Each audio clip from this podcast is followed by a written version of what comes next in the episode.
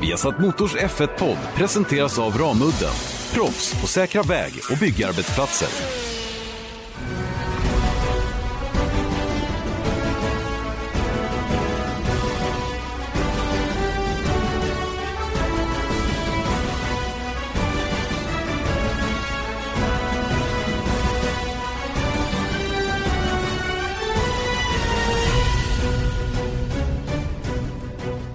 Formel 1-podden tillbaka tisdagen efter Storbritanniens Grand Prix. Janne Blomqvist, Erik Stenborg som eh, ska ta oss igenom det senaste runt omkring då eh, Formel 1 och det senaste racet givetvis där vi nu har haft två bra race i rad. Det ska vi prata mer om om en stund. Vi kommer att dela ut lite betyg i form av överraskningar och besvikelser.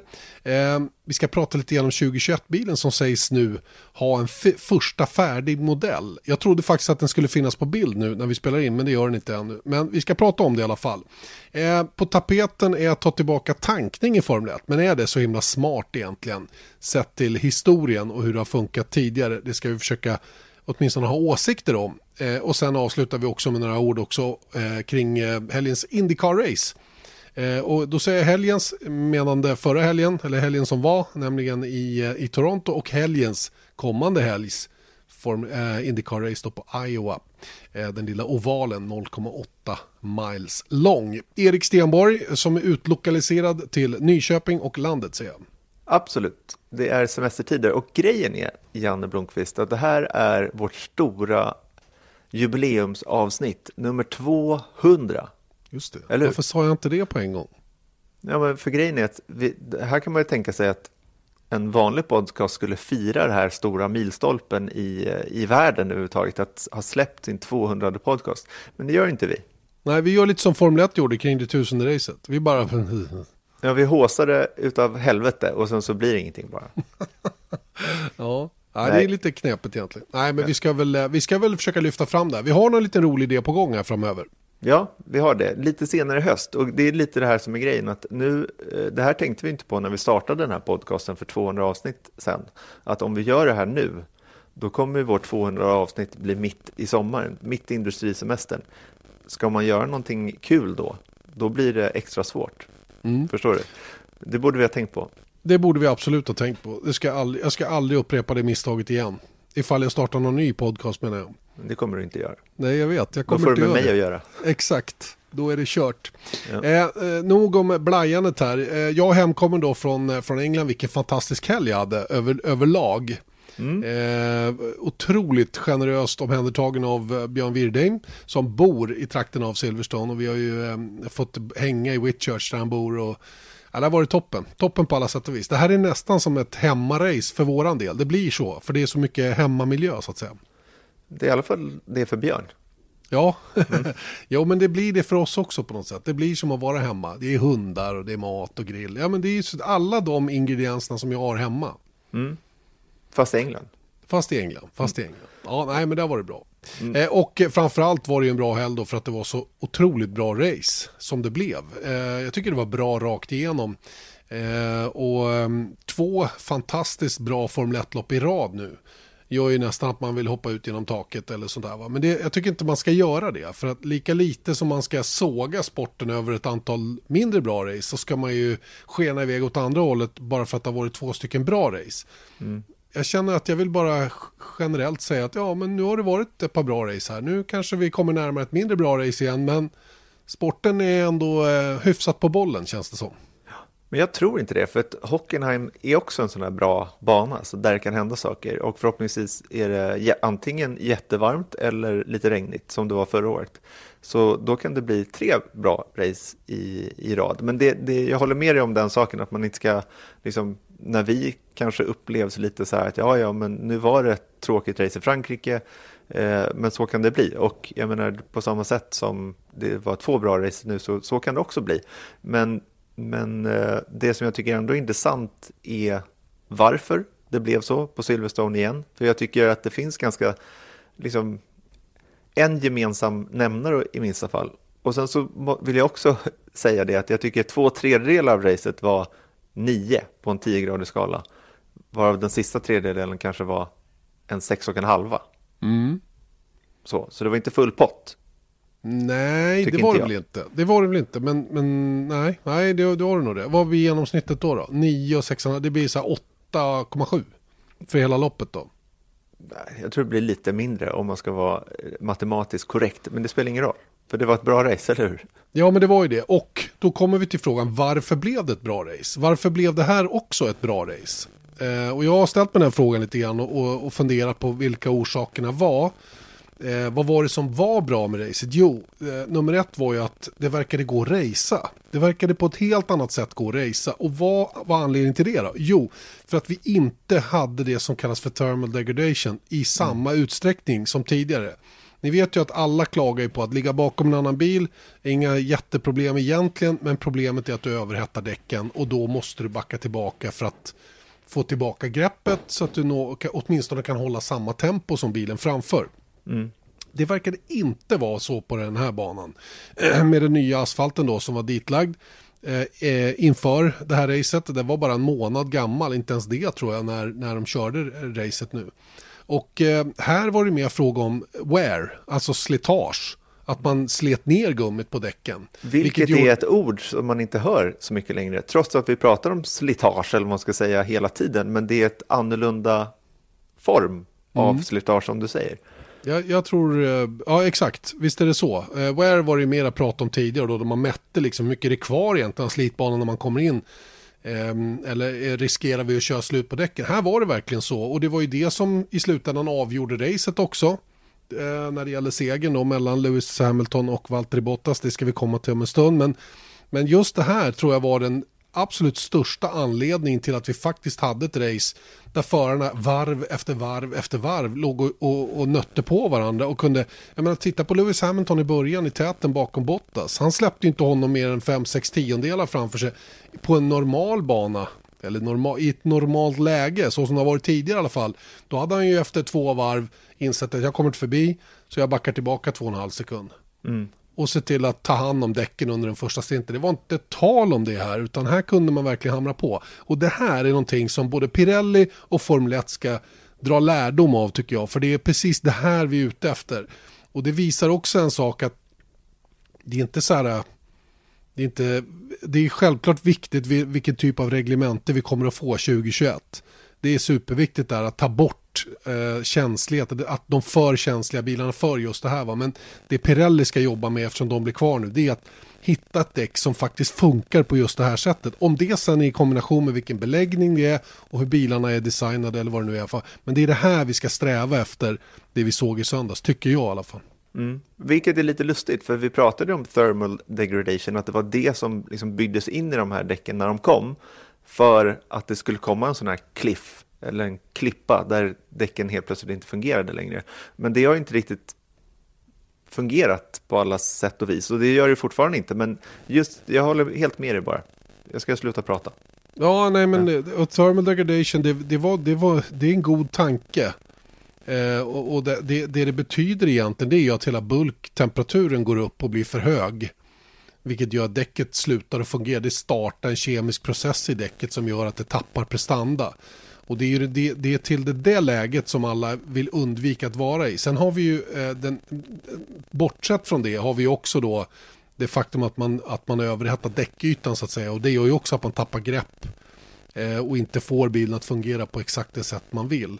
Eh, och och då, det är de här bitarna som har gjort, gjort det så oerhört känsligt att följa en annan bil. Och där var vi inte i söndags. Vi hade ett helt annat läge, eh, väldigt greppig asfalt rent allmänt trots att den var nylagd. Och sen då däck som, eh, som fortsatt var svåra att få upp i temperatur men framförallt de överhettade inte, uppfattade jag det som i alla fall. Nej, jag tror inte det var lika stort problem heller. Den, en annan gemensam, eller nu ska jag säga gemensam nämnare med Österrike var bantypen, tror jag.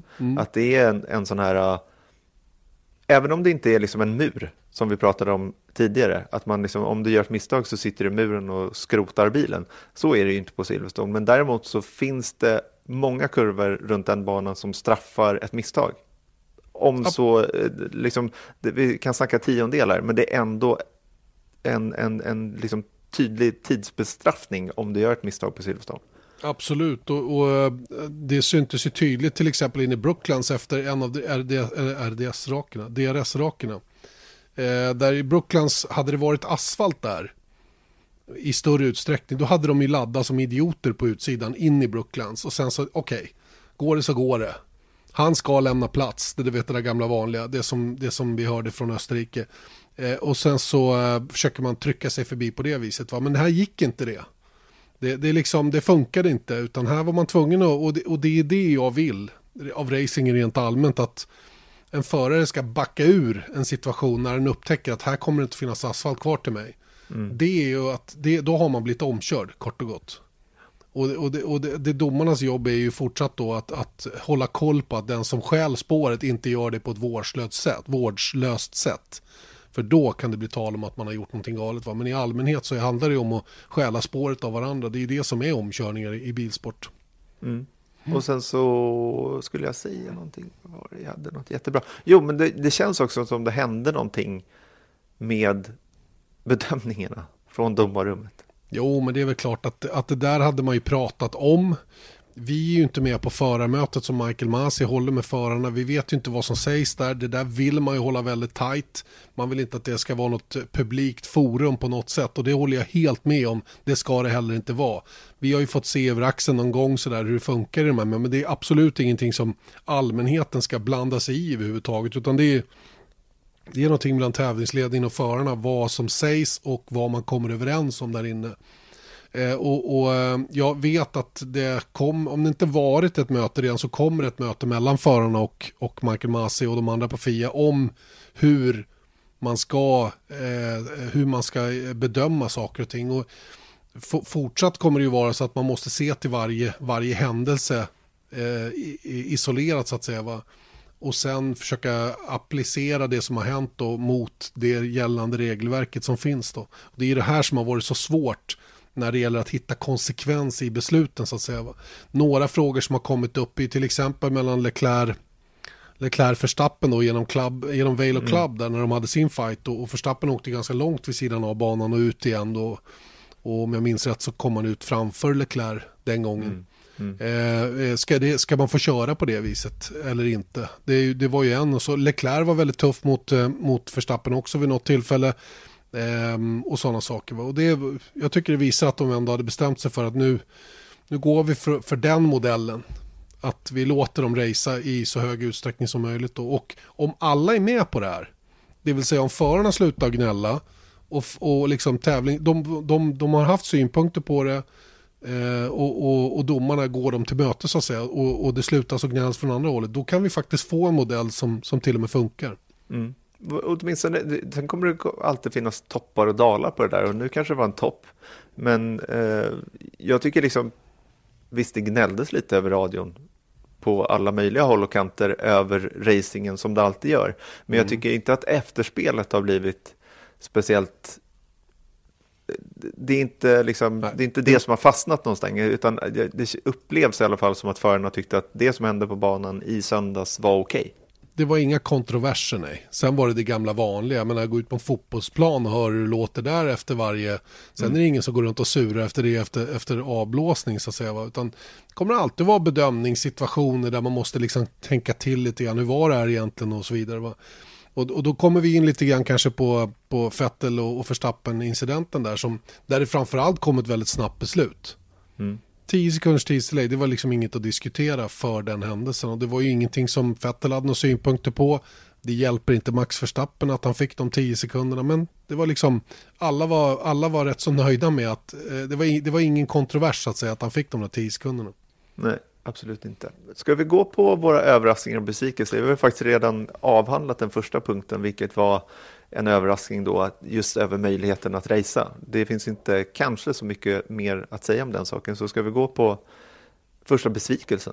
Ja, och jag, jag, kan inte komma in på det på ett annat sätt än att, att det blir Sebastian Vettel som får stå vid skampålen här först ut när det gäller besvikelse. Jag, jag tycker inte han gör jobbet speciellt bra just nu. Han är tveklöst en jätte, jättestark racerförare. En av de allra snabbaste. Han är trots allt fyrfaldig världsmästare. Men, men på det sättet som han gör vissa, eller som han genomför vissa situationer just nu så tycker inte jag att han är på, på topp, inte ens nära på topp av sin förmåga. Och han gör rätt slarviga grejer. Eh, eh och nu har de blivit så många så nu kan man liksom inte bortse ifrån det. Jag har tidigare haft en tendens att tycka att okej, okay, fine, han, han eh, strular till det i Bahrain där mot, mot, um, mot Hamilton. Okej, okay, han var pressad där och Mercan var kanske lite bättre just i det läget. Så det, det, kan man liksom titta igenom fingrarna med. Va? Men det kommer för mycket, det är för mycket sådana här. Vi, vi satt, Björn och jag pratade om, ja, nu nästa gång i Tyskland, ja det var där det började för Fettel förra året.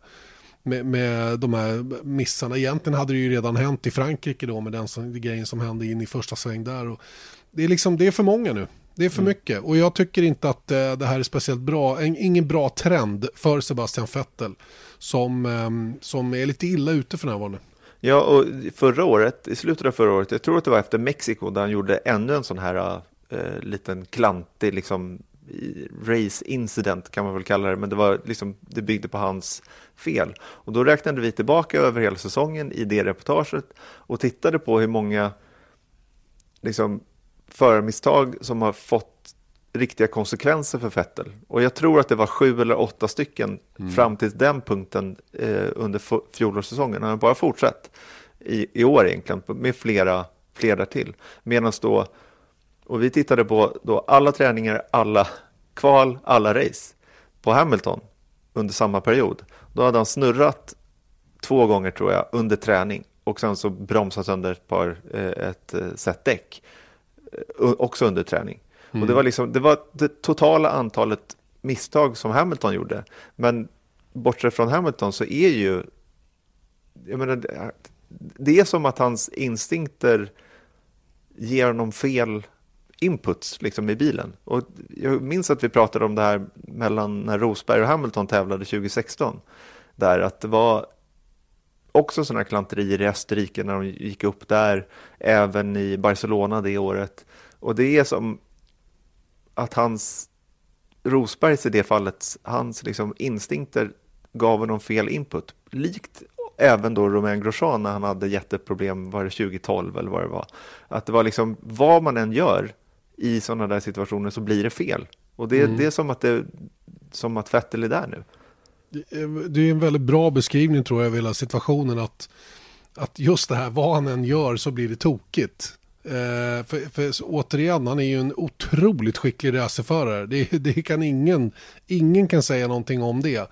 Men i de här enstaka tillfällena när han gör grejer och där kanske han måste backa tillbaka lite. Han kanske behöver ta ett steg tillbaka och se på vad han själv håller på med just nu och sen liksom börja om från början, jag vet inte. Och jag tror inte att det bara är pressen från Mercedes och hela det som, som du kan ju tänka dig att köra för Ferrari och, och, och liksom inte inte göra resultaten. Och så har du en ung kille som Leclerc in till dig i den andra bilen som kommer allt närmare och som, och som eh, i många avseenden faktiskt är snabbare just nu än vad Vettel är. Eh, det, det gör ju inte saken lättare. Va? Och det är nu vi verkligen får, får, får se hur pass stark Fett, Sebastian Vettel är mentalt. För det här är någonting mentalt. Det här är absolut ingenting. Det handlar inte om kunskap bakom ratten utan det här är mentalt någonting som man behöver komma till rätta med på något sätt. Va? Han, känns, han känns stukad när man ser honom. Va? Han känns... Jag såg den delen när Sky hade fått tag i honom efter kvalet och de gick igenom depån där. Han hade blivit sexa. Han borde ju ha varit galen och ilsken och liksom revanschsugen. Han, han såg bara avmätt ut. Och han, jag vet ju att han han har förmodligen kommit fram till att jag kan inte hålla på och snacka bort det. Utan det är lika bra att dra ner byxorna och utan omsvep erkänna att jag var inte tillräckligt bra idag. Och sen så liksom, men det såg så här, eh, såg känslolöst ut, förstår du? Mm. Men jag tror att... Eh... Glöden, vad är glöden? Ja, men jag, jag, tror liksom att han hade antagligen, nu bara hittar jag på, men liksom magkänslan säger mig att Fettel ändå kanske hade så himla höga förhoppningar för den här säsongen och sen så blir det uppenbart då att han har ingenting med VM-titeln att göra längre och han har liksom svårt att kanske motivera sig där och eh, ovanpå det så massa press och sen så ovanpå det ytterligare då som du sa Charlie Leclerc som är såklart jättemotiverad för att göra så bra han kan eh, ifrån sig när han är i sitt första år med Ferrari och, och, och så vidare. Men det här tycker jag ger liksom den ytterligare frågan ovanpå det här är väl att okej, okay, Vettel leder fortfarande över Leclerc i VM. Han ligger på fjärde plats med 123 poäng. Leclerc 120 på femte plats. Det, det, är ju, det finns ju, tycker jag, vissa likheter mellan när Ricciardo kom till Red Bull 2014. Jag tyckte liksom, man kunde uppleva Vettel lite på samma sätt då. För det var också en motig period för honom hela den säsongen och, och Ricciardo var, det var hans första år i, i stora Red Bull va? Mm. Och var superpepp och motiverad och levererade därefter medan då eh, Vettel bara började liksom, han var helt och klart slagen av Ricciardo och sen försvann han året därpå. Mm. Hur ser vi på Vettels framtid där? Ja, det är en bra fråga det. Hur, eh, jag tror ju att han kör i år och han kör nästa år. Men sen tror jag inte han kör vidare i Ferrari. Det, det, det är min magkänsla just nu. Jag tror inte varken han eller Ferrari vill det. Om man ska vara ärlig. Och då kommer vi till nästa viktiga fråga för Vettel. Vad är då alternativet? Mm. Eh, för, det är ingen mening för honom att gå till något team som inte kan liksom vinna. När man är, har vunnit VM så många år, då ska man väldigt gärna vilja vara kvar i Formel 1. Eh, och det tror jag inte, han, han känns inte som den typen. Jag tror att han hittar andra värden i livet då än att hålla på och traggla liksom i Formel 1. Bara för att vara Formel 1-förare. Så jag tror att han kör det här och nästa år ut. Eh, och eh, sen tror jag att han lägger av. Jag tror faktiskt att han gör det. Nu såg även, även om han skulle liksom vinna VM med Ferrari nästa år? Tror att det ja, det, ja, det tror jag. Jag tror att han... Ja, det, det, det var ju en jättehypotetisk fråga. Det känns inte som det är så aktuellt just nu, ärligt talat. Va? Men, men eh, får, får de ordentligt med stryk, vilket de verkar få i år, han kanske inte ens är bästa Ferrari förr under 2019. Eh, då, ska han, eh, då, då, liksom, då ska det ju för det första mobiliseras mycket, mycket ambition och motivation inför 2020. Och, jag tror inte han kommer in till en sån säsong på ett sätt så att han skulle kunna bli världsmästare. Sen, sen hänger ju det naturligtvis ihop med vad man har för bil. De kanske helt plötsligt har en mycket bättre bil än Mercedes och då mm. rinner det igenom och blir världsmästare. Och konstigare saker har ju hänt. Va? Men, men som jag ser det just nu, om, om, om trenden håller i sig, då tror jag att han kör, kör färdigt sitt kontrakt och sen lägger han av. Vi får se helt enkelt. Det är rena spekulationer självklart. Helt, helt och hållet. Jag såg Eddie Jordan hade någon galen teori om att um, det skulle bli några väldiga uh, rockader nu. Eh, vad sjutton hade han sagt att Hamilton skulle gå till Ferrari redan nästa år. Och att Vettel och Verstappen skulle köra för Mercedes. Oj. Leclerc, ja. Hamilton i Ferrari. Det var, det var Eddie Jordan. Han behövde väl lite uppmärksamhet antar jag. Ja, det låter, det låter lite väl stort kan jag tycka. ja, det men det vore kul. Ja, självklart vore det roligt, men både Hamilton och Sebastian Vettel sitter på, på kontrakt som redan är skrivna och det känns inte som de kommer att, att bryta dem riktigt. Ja. är i alla fall min, min tanke runt det hela. Men du, jag tänkte på om vi kommer tillbaka lite till racet. När jag satt och såg på det här racet då och det var en bra fight mellan, ja egentligen genom stora delar av fältet, det var en bra fight mellan Bottas och Hamilton vid det läget och sen så kommer Antonio Giovinazzi och snurrar av i samfållan och ut kommer en säkerhetsbil. Där och då så bestämde jag mig redan, ja redan då bestämde jag för att det här är en besvikelse till nästa veckas podcast. Mm, att eh, de sköt hål i, i alla, alla, mm, ja de sköt hål i tätfighten menar du, med den där säkerhetsbilen. Ja. Ja. Ja, det, det gjorde de kanske. Jag, jag ähm, kände nog att, att, att Valtteri Bottas hade förlorat den fighten äh, redan när han tog medium, medium i, vid sitt påstopp, vilket betyder att han skulle göra en tvåstoppare. Mm. Och när, när väl säkerhetsbilen kom ut så hade de gott och väl kommit in i fönstret för en enstoppare. Eh, och naturligtvis så blev det ju betydligt mycket enklare för Lewis Hamilton när säkerhetsbilen kom ut och ta det beslutet att komma in, lägga på ett sätt hårda däck, vara klar i depån och sen sticka iväg. Eh, och eh, även om fältet var hopsamlat och, och Bottas var där så hade ju Hamilton läget, det, det fanns ju en liten, liten, en liten strimma hopp om en fight om segern om Bottas hade tagit Hamilton i omstarten. Och sen varit så mycket snabbare då på sina mediumdäck, kunnat liksom kört slut på dem på ett annat sätt än Hamilton då, som var tvungen att åka längre på sina hårda eh, och eh, skapa sig en lucka då på kanske 15 sekunder. Gått in, tagit sitt andra depåstopp, kom ut tre sekunder bakom Hamilton, då på gamla däck, Bottas på ner. Det var lite så man kände att det hade kunnat bli, mm. möjligen. Men inte Men, speciellt troligt faktiskt. Nej, nej. Inte ens nej. då. Nej, det, det, var det ju faktiskt inte. Och jag menar, sett till hur det sen blev så var det ju inte, det var ju verkligen inte säkerhetsbilen som avgjorde till Hamiltons fördel utan det var hans körning helt enkelt. Hans förmåga att hålla liv i däcken och jag tycker det var intressant det, det vi läste under helgen där, där Valtteri Bottas hade inte identifierat några punkter som Hamilton gör bättre än honom, eller där, där han har svaghet jämfört med Hamilton. Eh, och det var ju till exempel då att, att det var ingången till sväng hur, hur Hamilton kan köra under inbromsning och eh, on entry som man då beskrev det. Eh, så, så kör han på ett sätt så att han kan ha en, en, in, en inställning på bilen, en setup på bilen som, gör, som också är gynnsam för däckslitaget. Utan mm. att tappa tid. Och det där är ju naturligtvis oerhört viktigt, inte minst under, under Pirelli-eran. Att hitta ett sätt att köra där man kan vara superaggressiv, tjäna tid, vara snabb men samtidigt vara ekonomisk mot däcken. Och jag menar, har han, en, har han en fördel på det området gentemot Valtteri Bottas? Och det tycker jag visar sig också i söndags där de går så vitt åt varsitt håll när det gäller taktiken och strategin. Mm. Att Bottas, eh, eh, att, att, för han har ju naturligtvis varit med i beslutet att gå medium medium, även om det inte är han som bestämmer det, så är han med i processen, de frågar ju. De frågar ju, kan du tänka, är det möjligt att åka hard och klara resten av racet? Va? Eller, eller är det, och så får han ju på något sätt då göra en uppskattning av hur mycket slitaget har varit. Va? Men lite ja, men förvånad. Han sa i slutet av racet att han trodde att en enstoppare var otänkbar. Ja men eller hur va. Mm. Och, men jag tycker ändå att det var konstigt att han inte chansade på hårda däck. Och öppnade upp, öppnade upp lite för en enstoppare om det hade varit möjligt. Mm. Men mm. Eh, det var uppenbart inte på, på tapeten för deras del då. Så att, eh, och det, Hamilton behövde ju de där extra varven också tills dess att säkerhetsbilen kom ut då för att för att sen då kunna komma in. Han fick ju han fick återigen någon, en lite smoothare resa med det där. Och det gällde ju Carlos Sainz också till exempel. Och kontra Daniel Ricciardo. Ricciardo hade mycket bättre startposition mm. och ett bättre läge.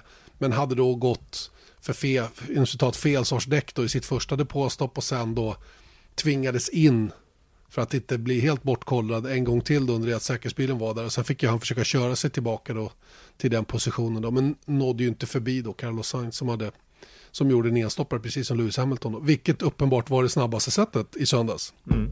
Ja, med, med den här säkerhetsbilen. Mm, exakt, utan den så hade det kanske varit en annan femma. Då, Men då det är ändå på marginalen. Liksom. Ja, det var ju det. Och, det. och då kom vi tillbaka till det faktum att vi pratar wear och inte, Eh, inte tidstapp i däcken så att säga. Utan här mm. pratar vi verkligen om att däcken slets ner så pass mycket att de till slut riskerade att inte funka överhuvudtaget.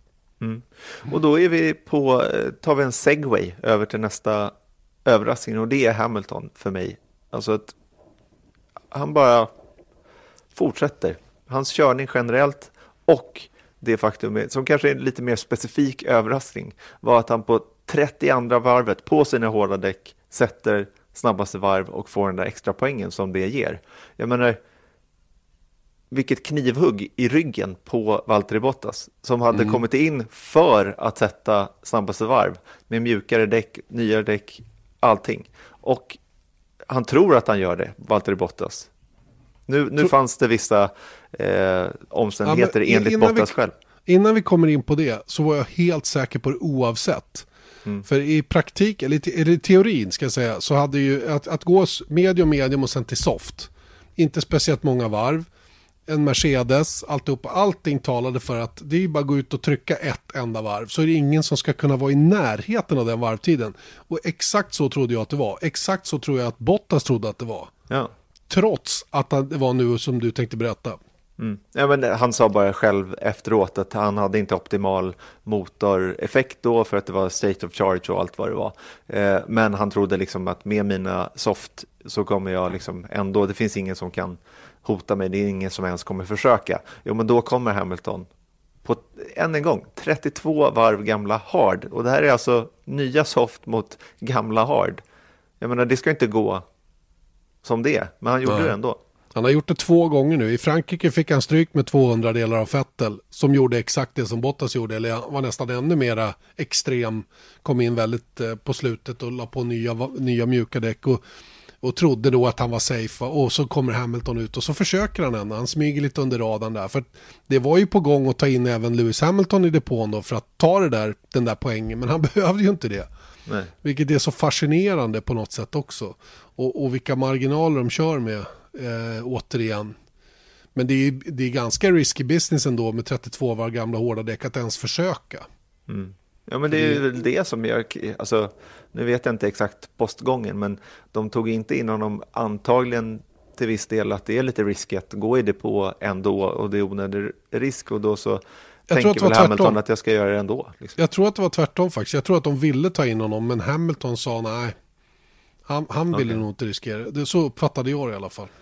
Men hur som helst, det som får mig att tänka på hela den här raddan då, om man kallar det där liksom knivhugg i, i bröstet eller ryggen eller vad man nu hugger Valtteri Bottas, så upplever jag ändå att hur kan Bottas ta det annorlunda när någon går in och gör en sån där grej och han känner så här, nej, inte ens snabbaste varv kunde jag lösa med softdäck. Och sen så dessutom så pratar man ju då om att eh, liksom, dynamiken mellan Hamilton och Bottas ska vara så bra och fin och du vet, det är välvilligt och allting sånt där. Samtidigt då så läser jag en rubrik på autosport.com eh, nyligen då där, där Hamilton säger att nej men, eh, när Bottas då skulle köra om Hamilton och gjorde det var, så säger Hamilton bara liksom finstämt att så här, nej men jag valde att inte blockera den omkörningen. Så när Bottas då känner så här, yes, jag körde om Lewis Hamilton på banan. Jag var bättre före där och då. Då liksom, ja, liksom lite i bakgrunden säger då Hamilton att nej men jag försökte inte ens nej, blockera. Vilket nej. tar bort hela Bottas liksom coolhet i att han körde om Hamilton. Ja, man ska, inte, man ska inte gå runt och tro att Lewis Hamilton är så himla generös till höger och vänster. Att, utan han vet ju naturligtvis vad han gör och han har väldigt medveten strategi med allt han gör. Både, vi, vi, både på och vid sidan av banan. Och det är ju det som gör honom så otroligt framgångsrik just nu. Och han gör det, jämför honom med Schumacher till exempel då, som var en, en, en lika dominant förare under sin tid så hade han, han var lite mer uppenbar i sina fultricks emellanåt än, än vad Lewis Hamilton är. Och vet du vad som är det coolaste med Hamilton? Han kör aldrig fult. Vet du. Jag har aldrig sett killen köra fult någon gång. Jag tycker han är, nu kanske han under Mercedes-serien aldrig ens behövt göra det va, men, men han har aldrig liksom tenderat till att kliva över gränsen när det gäller sådana saker i desperation att, att stanna kvar längst fram så att säga om man har varit hårt attackerad. Jag vet inte om du kan dra dig till minnes någon gång när du har suttit och muttrat över Hamiltons körstil men jag vet inte att jag eh, vid något enda tillfälle egentligen haft en sån känsla runt, i, runt omkring Lewis Hamilton. Nej, nej, jag kan nog inte göra det heller. Jag, jag tror, det är klart att det finns eh, exempel på när det har gått fel för honom, men, men jag kan inte se det som att så här, nej, men det här var av samma anledning som, som Verstappen och eh, Magnusen har liksom, så att säga dåligt rykte i, på griden för att de, de är aggressiva och, och, och kör fult, eller vad man ska kalla det. Hårt. Ja, hårt. Eh, onödigt hårt i vissa, vissa lägen då, som de i alla fall får kritik för. Det kan jag inte minnas att eh, Hamilton någonsin har fått Nej. som stämpel. Nej, jag vet inte. Jag har aldrig någon kontrovers runt omkring det. Eh, kan vi inte gå vidare på nästa överraskning som, som, är, som är lite, den, den, eh, den, den är bakfram. För jag är fan mig överraskad över hur värdelöst det kan gå för ett team som det gör för Haas just nu. Det är en stor överraskning. Att allt som ett vattenfall kan gå emot ett och samma team på det här sättet som det gör nu för Haas-teamet och Romain Grosjean och Kevin Magnussen. Det är överraskande hur illa det går för dem. Det måste jag verkligen säga. Jag alltså, håller med. Den här helgen har ju varit en sån cirkus med den här William Story då som, som driver eh, Rich Energy. Som uppenbarligen har fått nog över att de inte kan slå Red Bull om man nu trodde att det skulle vara möjligt. Han tycker att teamet har varit för dåliga och att politiken i Formel 1 är för PK och det, det hämmar deras business. Eh, och eh, det här blev ju naturligtvis eh, stort karambolage. Och sen har ni ju följt den här storyn om, om Rich Energy fram och tillbaka. Vem är det som kontrollerar företaget? De har sin, sin logotype-rättegång eh, som, som gick emot dem och då blev dömda då att betala en halv miljon eller vad det var i rättegångskostnader till White Bikes. Eh, och sen så efter det då, när, när deadlinen går ut för att betala de här pengarna till White Bikes så, så kommer det här, hela den här cirkusen och jag börjar ju undra om det ens finns några pengar i det där bolaget längre och att, att han försöker liksom krypa ur alltihopa. Strunt i det egentligen. Hela den storyn är ju egentligen en sido, sidogrej. Men, men hur det har påverkat Haas är ju rätt uppenbart just i, i det korta perspektivet. Men, men Haas har ju haft det kämpigt hela året och de har ju dessutom eh, åtminstone en förare som, som inte presterar på den nivån de behöver. Va? Och nu, nu, var, nu, nu var det the perfect storm här i söndags. Eh, först eh, sponsorkaoset och sen eh, kör bilarna ihop med varandra på första varvet efter att Günther eh, Steiner, Günther Haas som vi numera kallar honom, mm -hmm eh, sagt det i tv att det vi behöver nu det är ett clean race, vi behöver samla data, lära oss den här bilen. Så går de ut och så är de ihop med varandra på första varvet och kommer typ ett eller två varv till innan de måste bryta båda två. Mm. Eh, jag vet, fotomangen stod och såg när Günther Steiner fick tag i, jag tror att det är han som jobbar som personlig assistent till Kevin, han fick en sån hårtork där nere i, ja. i, i paddock. Va? Så att det, det var upprört eh, ordentligt. Och båda förarna har ju verkligen fått, eh, fått reda på att de är inte vattenvärda just nu. Nej, och Günther Haas har ju lite rykte för sig att han inte, han inte är så... Han skräder inte sina ord. Exakt, samtidigt är han ju en av de varmaste personerna där nere. Han är väldigt så ärlig och glad. Han är en av få som alltid hälsar när man möter honom till exempel. Medan andra som man vet känner igen en bara titta åt ett annat håll. Han skulle aldrig göra det, Günther Steiner. Han är supergubbe, verkligen. Men han har det tufft just nu med att försöka bringa ordning i det här kaoset som verkar råda runt teamet. Eh, och bilen och allt vad det nu än är. Va? Och jag menar, Romain Grosjean åker ut ur depån och snurrar och slår av en framvinge. Då har de precis mm. gått tillbaka till den gamla aerospecken då från början på året för att han ska få lite hjälp. Och kanske inte har jättemånga sådana vingar längre Nej. på hyllan. Och det första han gör är att liksom kvadda en. Mm. Nej, jag vet inte. Det är, ja, men de har inte nu... tagit poäng på fyra race. Nej, menar, det, det, det är botten, liksom... Det är bottenlöst just nu. Men vi hade samma trend för Alfa Romeo ett tag. Det var inte alls så mycket kaos runt omkring dem. Men det är allt runt Haas-teamet som är problemet. Och jag vet inte... Jag vet inte vad de ska göra just nu. Det, det kräver rätt mycket. Om vi tycker att Sebastian Vettel har jobbet och måste backa tillbaka och fundera på en, sin mentala inställning så känns det som att eh, Günther Steiner är i en liknande situation. Mm. Ja, verkligen. Alltså det, det är ju, hoppas att de eh, kommer igen, men det, det känns lite nattsvart. De är verkligen inte på väg upp i minsta fall. Inte för närvarande.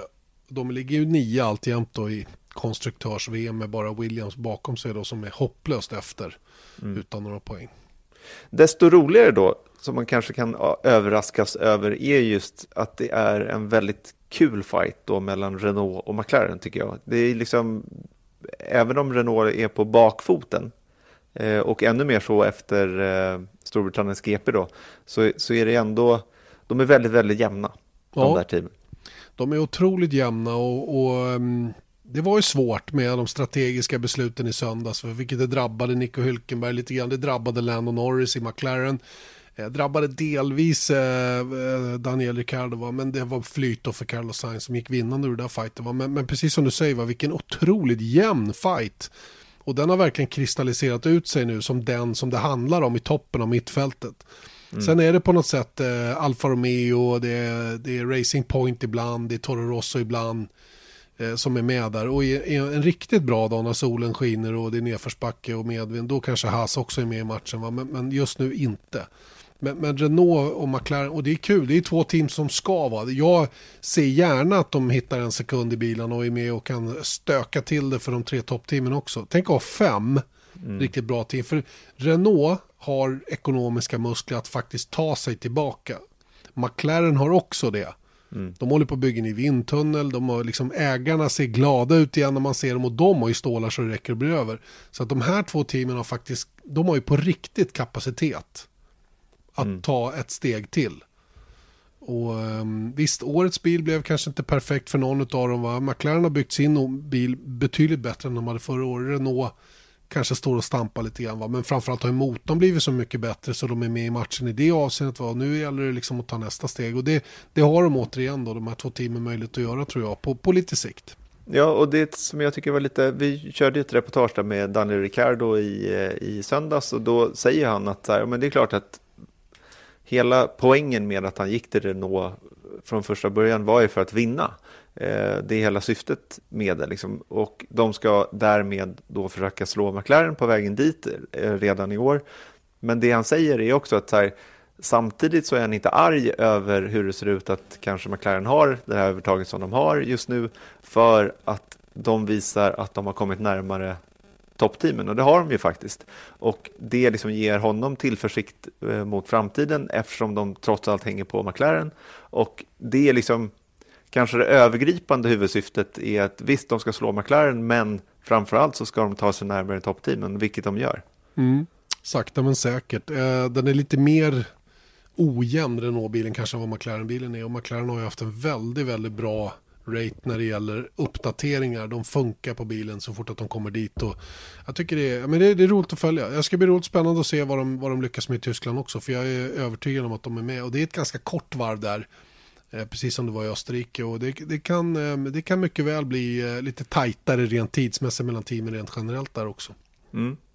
Nu var det ju så att Max Verstappen blev eh, påkörd av eh, Sebastian Vettel och hamnade ute i, i sandfållan, så det hjälper väl till. Men det som är kul är ju ändå att Pierre Gasly kom fyra och därmed slog han Max Verstappen. Innan Storbritanniens Grand Prix hade han legat bakom Max Verstappen i 98, 98 procent av varven. Mm. Vi hörde att Björn Wirdheim hade räknat lite på det och kommit fram till att eh, hade, hade Gasly varit i närheten av att ta ungefär lika procentuellt sett lika många poäng som sin nummer ett teamkamrat då, som, som, eh, som Leclerc och eh, Bottas jämfört med Hamilton och Vettel. Då hade alltså Red Bull varit tvåa i konstruktörs ganska enkelt dessutom. Mm. Det har varit väldigt, väldigt jobbigt för Gasly att vara på den nivån där man kan förvänta sig att ha honom, nämligen ungefär lika som Max Verstappen eller något långsammare. Va? Den här helgen var första gången vi såg, han slog till exempel Verstappen i samtliga träningspass. Han fick visserligen stryk med tre tiondelar i kvalet men han kommer före i mål av kända anledning då som du var inne på. Men, men ett, en genombrottshelg tycker jag för Gasly ändå. Eh, som därmed tangerar sitt bästa resultat då sen, sen, eh, sen, han, eh, sen han kom till Formel 1. Han var ju fyra i Bahrain, i Bahrain förra året med Toro Rosso. Nej, men det, det, var ju Christian Horner menade då att det var en helt annan förare och då kan man ju fråga sig vad var som hände. Men det, det, det är liksom nästan inte, från, från vår horisont så spelar det nästan ingen roll vad han gjorde. För att i Österrike blev han varvad av Max Verstappen. Så att det, bara, bara det, det spelar ingen roll om man kom fyra eller femma, men han var med mm. helt plötsligt. Mm. Ja, det, det är nog det viktigaste. Att han tidsmässigt hängde på Max Verstappen den här helgen för första gången på hela säsongen. Det är fortfarande för mycket tycker jag i kval med tre tiondelar, men betydligt närmare än han har varit tidigare. Så att eh, en klar överraskning tycker jag Pierre Gasly var i söndags. Vi har satt Motors Formel 1-podd kör vidare och nu har vi eh, gått igenom eh, senaste helgens race, nämligen Storbritanniens Grand Prix på Silverstone och det blev ju som sagt en, en spännande historia. Alla har ju unisont hyllat det här loppet. Eh, så det är vi liksom klara med. Men det jag lyckades fiska upp där i depån eh, var att eh, det nu börjar dra ihop sig för att kunna visa upp en första riktigt färdig modell på bil, Formel 1-bilen 2021. Wow. Eh, sa jag också. Och eh, gången i det här är ju då att Formel 1 har tagit fram en, en sån här. Tanken var att de skulle visa upp den här för några journalister som då skulle få möjlighet att göra någon form av skiss av den här bilen och sen publicera Tolkning det. är kanske? Tolkning, ja, det är ju Piola i huvudsak som, som får den här typen av uppdrag då.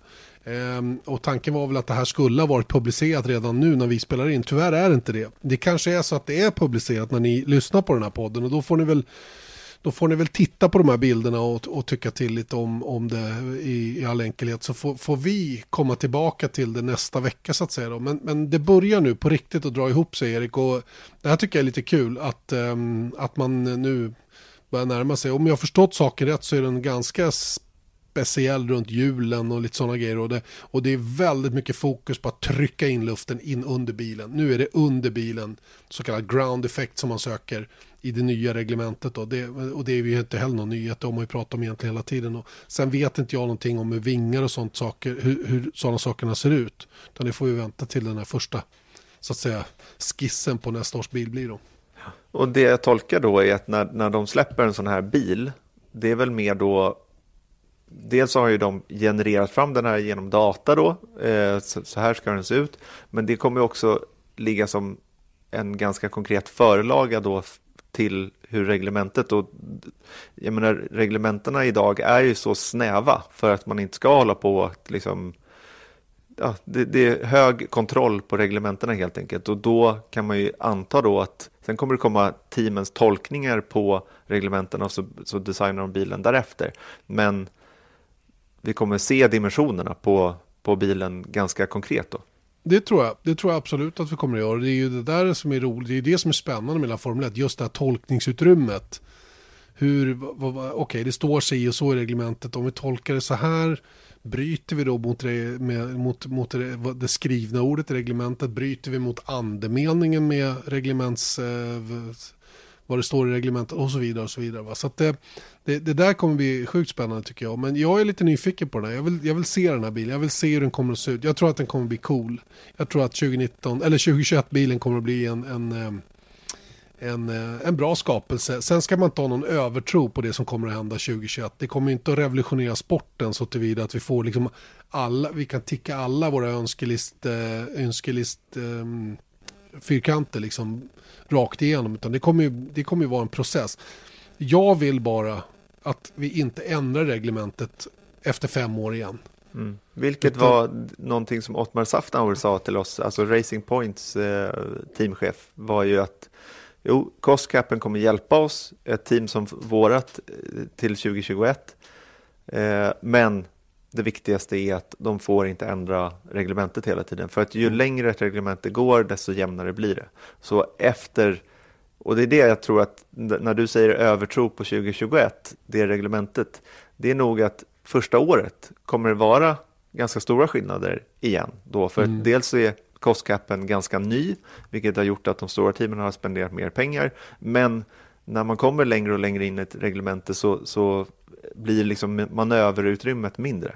Ja, alltså all, alla når ju till reglementets tak så att säga förr eller senare. Det är ju bara en fråga om hur snabbt man kommer dit och det är ju det som sker i olika hög takt.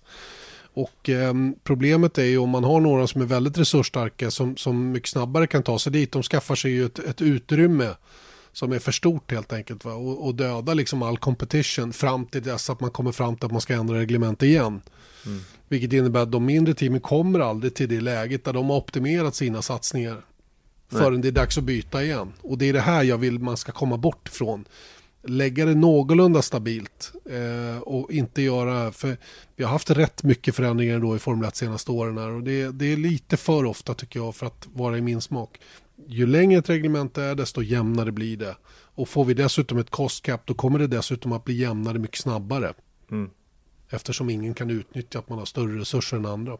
Mm. Men det fortsätter samtidigt att trilla in lite nyheter runt den här grejen och det kanske inte är konkreta nyheter men det är tydligt att det som ska ske till 2021 inte är helt hundra klart. För helt plötsligt kommer Jean Tott, alltså presidenten av internationella bilsportförbundet FIA och säger att ja, jag skulle nog gärna se tankning införas igen. Ja, uttryckte han sig så verkligen? Han har, han har bett Formel 1 att titta på möjligheten att införa tankning igen.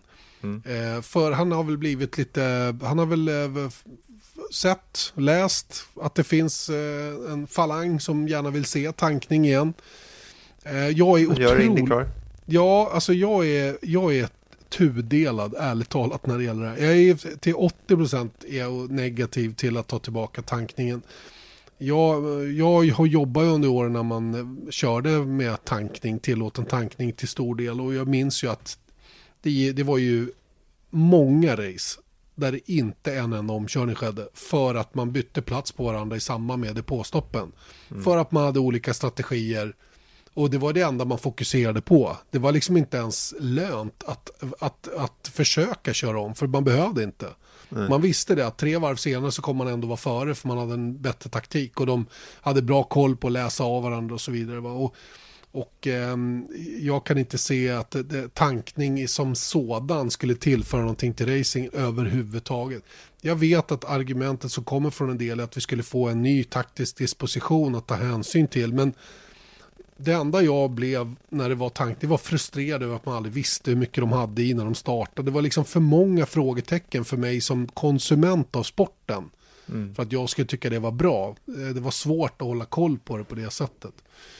Och det eh, och finns jag... faktiskt statistik runt det här också. Det är inte bara en känsla från din sida utan att mellan 94 och 2009 när man fick tanka så kan man se att eh, omkörningarna föll drastiskt på, mm. På banan. Och det var ju väl lite grejen då, som du säger, att liksom, grejen var att teamen siktade på att få ut bilarna i ren luft. Och det, det var det viktigaste, ja. och ha rätt eh, bränslestrategi då. Och sen så bombar man, visst man körde fort utav helvete, för att man kunde göra det med eh, de dåvarande däcken också. Men, men fighter på banan var liksom inte lönt. Jag har en passus som är mina 20 positiva procent i den här frågan. Det är ju faktiskt att glana lite över åt Indycar. Mm. Eh, och anledningen till att jag skulle kunna se det som, som någonting positivt det är ju att man skulle ha det som det är i Indycar och det är en standardiserad storlek på tank. Mm. Eh, där man vet att den kanske tar 40 kilo. Eh, och det går åt, ja, för tre fulla tankar det är 120 kilo. Mm. Eh, ska du snålköra så går det åt 100 kilo. Mm. Det vill säga två tankar fulla och så en lite till. Mm. Då skulle vi få eh, en dynamik som skulle kunna bli rätt så intressant tror jag. Frågan är fortfarande hur mycket man skulle sikta på att göra någonting på banan i förhållande till att placera sig vid depåstoppen på rätt ställe. Men gjorde man det på det här viset, och det är ju precis så Indycar fungerar, för det, där är det, ta loppet i söndags till exempel, där var det väl 35 varv max tror jag på en, mm. full, på en full tank, det vill säga 70 varv då på två fulla tankar och sen 15 varv kvar. Mm. Det är lite så. Då skulle man kunna få det att fungera, men det får inte bli så att man liksom man, för i Formel 1 är det ju så att tidigare då när det var tank, då byggde man ju olika stora tankar. Mm. Och vissa hade klarat av att ha, köra i fullt och så kunde de köra 80% av racet och sen så gjorde de en splash and dash och sen in i mål. Mm. Och, och, det var deras sätt att jobba så att säga. Så det, det, det jag vet inte. Jag, jag, jag, jag, är tveksam till tankning. Det, det, finns nog, om vi säger så här, det finns nog sätt som tankning skulle kunna fungera. Frågan är, är det nödvändigt? Mm. För att det är också det vi vet är att det är dyrt. Även om det kommer standardiserade grejer så blir det ändå mer frakt och bla bla bla bla bla. Och man ska hålla sig fortfarande inom en kostcap. Och sen så är det ju det här med biltillverkarna och motortillverkarna, just det här med bränsleekonomin. Att, att eh, det, det finns ju även om man gör en stor grej av, även om man inte gör en stor grej av det i Formel 1, det är att det här, när man tog bort tankningen så har det blivit mer viktigt då att få eh, bra bränsleekonomi, vilket i sin tur kan ge då fördelar till vanliga bilindustrin för att eh, motorerna blir mer effektiva. Det incitamentet finns väl fortfarande delvis kvar, men inte i lika hög grad. Nej, så är det väl. Så är det väl. Det som också skulle kunna vara på plussidan för A-tankning då det är att man skulle få korta, man får ju sprintstint i racen då. Skulle kunna vara gynnsam för däcken, kanske skulle kunna få till lite hårdare körning, eh, mer action. Men jag är också rädd för att det skulle dra isär fältet. De eventuella skillnaderna på teamen skulle ju synas tydligare då. Och, eh, Ja du, det, det, det, är ingen lätt, det är ingen lätt eh, fråga att svara på. Men, men eh, baserat på det du sa eh, rent historiskt så, så säger jag nej tack till tankning. Jag, jag, tror inte heller att det är nödvändigt på det sättet som, som tankegångarna runt omkring eventuell, eventuellt återinförda tankning går. Exakt. Ska vi titta lite på nu när vi ändå nämnde Indycar? Ska vi säga ja. någonting om herr Rosenqvist och herr Eriksson i eh, Toronto senast? Ja, det kan vi väl göra. Och de följde väl ganska invant mönster skulle jag säga. Um, det var ju inte någon helt ny bana den här gången för Felix Rosenqvist. Han hade kört Indy Lights där och varit snabb i Indy Lights just på den här banan. Så han hittade ju runt om man säger så. Då. Eh, Marcus Eriksson var det brand new för eh, Toronto. Stadsbana, fruktansvärt ojämn och eh, kämpar ju med att fortfarande vara precis på rätt sida om gränsen. Eh, nu var det på de svarta däcken under kvalen lite grann över gränsen och slog er sönder ett sånt där toe-link, en sån toe-link på höger, vänster bak var det. Vilket gjorde då att han, han inte kom ut på de röda däcken och då är han ju borta ifrån eh, från fortsatt kvalande. Va? Och det är det där man vill inte ska hända. Man vill banka dina varv på svarta men se till att ladda lite hårdare på de röda istället. Nu fick Marcus aldrig den chansen. Eh, Felix däremot var ju liksom topp tre genom alla träningspass och såg vindsnabb ut hela den här helgen. Eh, kvalade också in på en bra startposition. Men räckte liksom inte hela vägen fram när det väl kom till, eh, när det kom till racet. Och det har vi också sett förut. Det är just att, att backa upp den här fina snabba envarvsfarten i, i race. Eh, inte riktigt lika enkelt för hans del. Han sa själv efter loppet att han var lite generös i början. Där, tappade några positioner eh, och de var svåra att ta igen sen i, i dirty air som han sa, då, vilket även de, de bilarna påverkas av. Och i ärlighetens namn tycker jag loppet söndags var ganska Underhållningsmässigt var det ingen höjdare, verkligen inte. Var. Jag är inte någon fan av den där typen av banor eller där stora fina formelbilar ska inte hoppa runt som de åkte på en, på en rallycrossbana. Det är inte mitt sätt.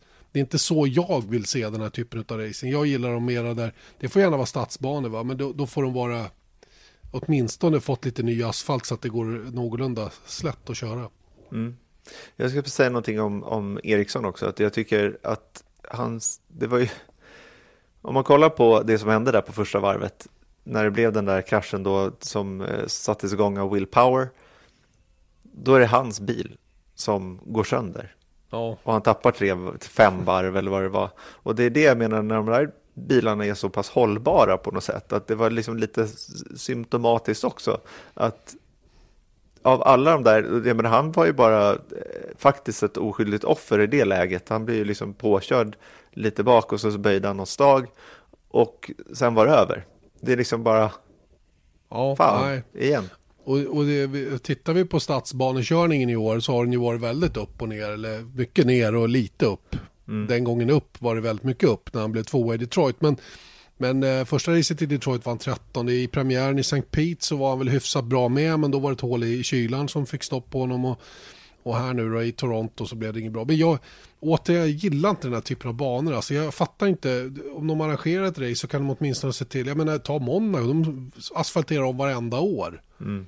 Jag menar lite ansvar måste man som arrangör ha. Jag vet att, jag, för jag pratade med Felix om det, han sa det, det här var roligaste banan på hela kalendern, jag älskar att köra här. Alla förarna säger samma sak. Mm. De, bara, de bara tycker det är magiskt att få verkligen vara precis på gränsen av vad man klarar hela tiden. Va? Och det är stor respekt för den uppfattningen, för han kör ju. Mm. Jag är ju bara soffexpert, jag ska egentligen inte uttala mig från, men jag är också konsument. Och titta på de här bilarna Eh, när de far runt på det här viset. Det, var, det, var liksom, det, är inte min, det är inte min grej i alla fall, min personliga eh, grej när det gäller Formel formelbilsracing. Nej. Och nu ska vi till Iowa, det är tre race i rad, triple header i Indycar. Så att, eh, ja, förra helgen då Toronto och nu kommer vi till Iowa och då är det en sån här liten oval. Och jag tycker det är lite kul för vi ska djupdyka i ovalracingen för vi har nämligen, vi har ju en sån här, de här flytande experten tillsammans med Anders Kron och går allting som det ska, det, det är eh, i praktiken klart, men vi har en ovalexpert som gäst och det är Ed Carpenter. Ah, vad som kul. ska prata om det här. Och dessutom så spelade vi in ett eh, reportage när vi var i Indianapolis där Björn fick testa eh, Hondas simulator på en oval bara för att känna på det där igen. Han tävlade faktiskt under, jag tror att det var två eh, ovalrace när han körde Champ Car. Tre var det, visade du.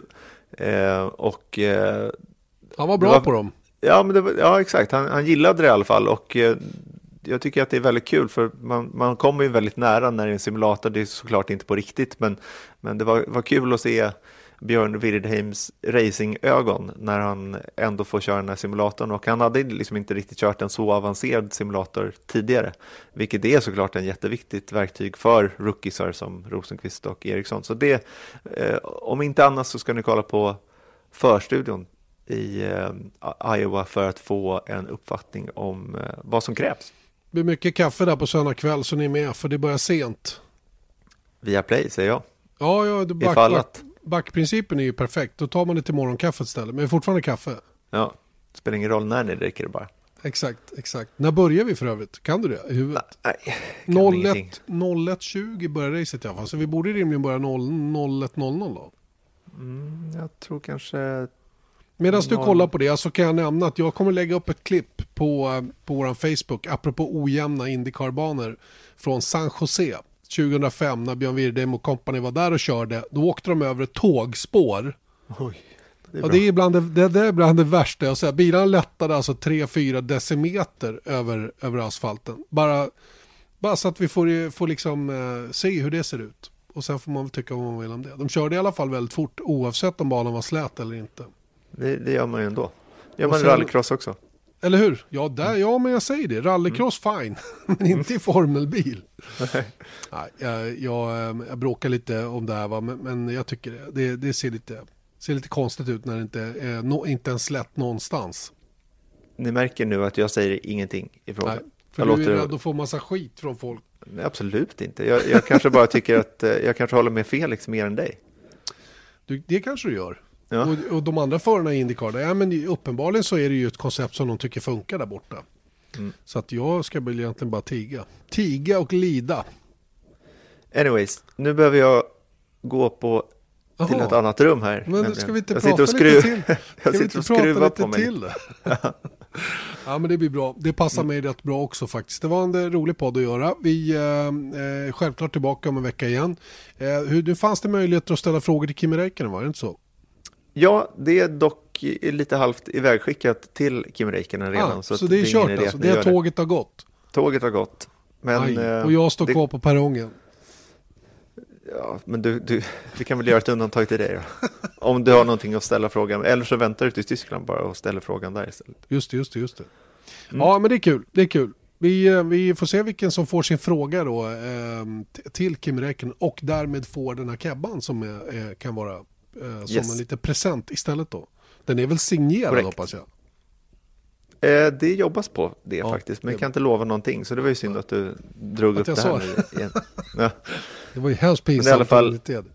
I samarbete med Betsy. Jag ser till det att- annars. Vad sa du? Jag ser till Nu- det annars. Du, nu börjar till och med Skype lägga ner här. Alltså, Skype håller med mig. man ser nästan hur vattnet stiger upp i ögonen på dig. Så att det, vi säger hej då helt enkelt. Ja, vatten och vatten säger jag. Ja, hej då. Hej då! Viasat Motors F1-podd presenteras av Ramudden. Proffs på säkra väg och byggarbetsplatser.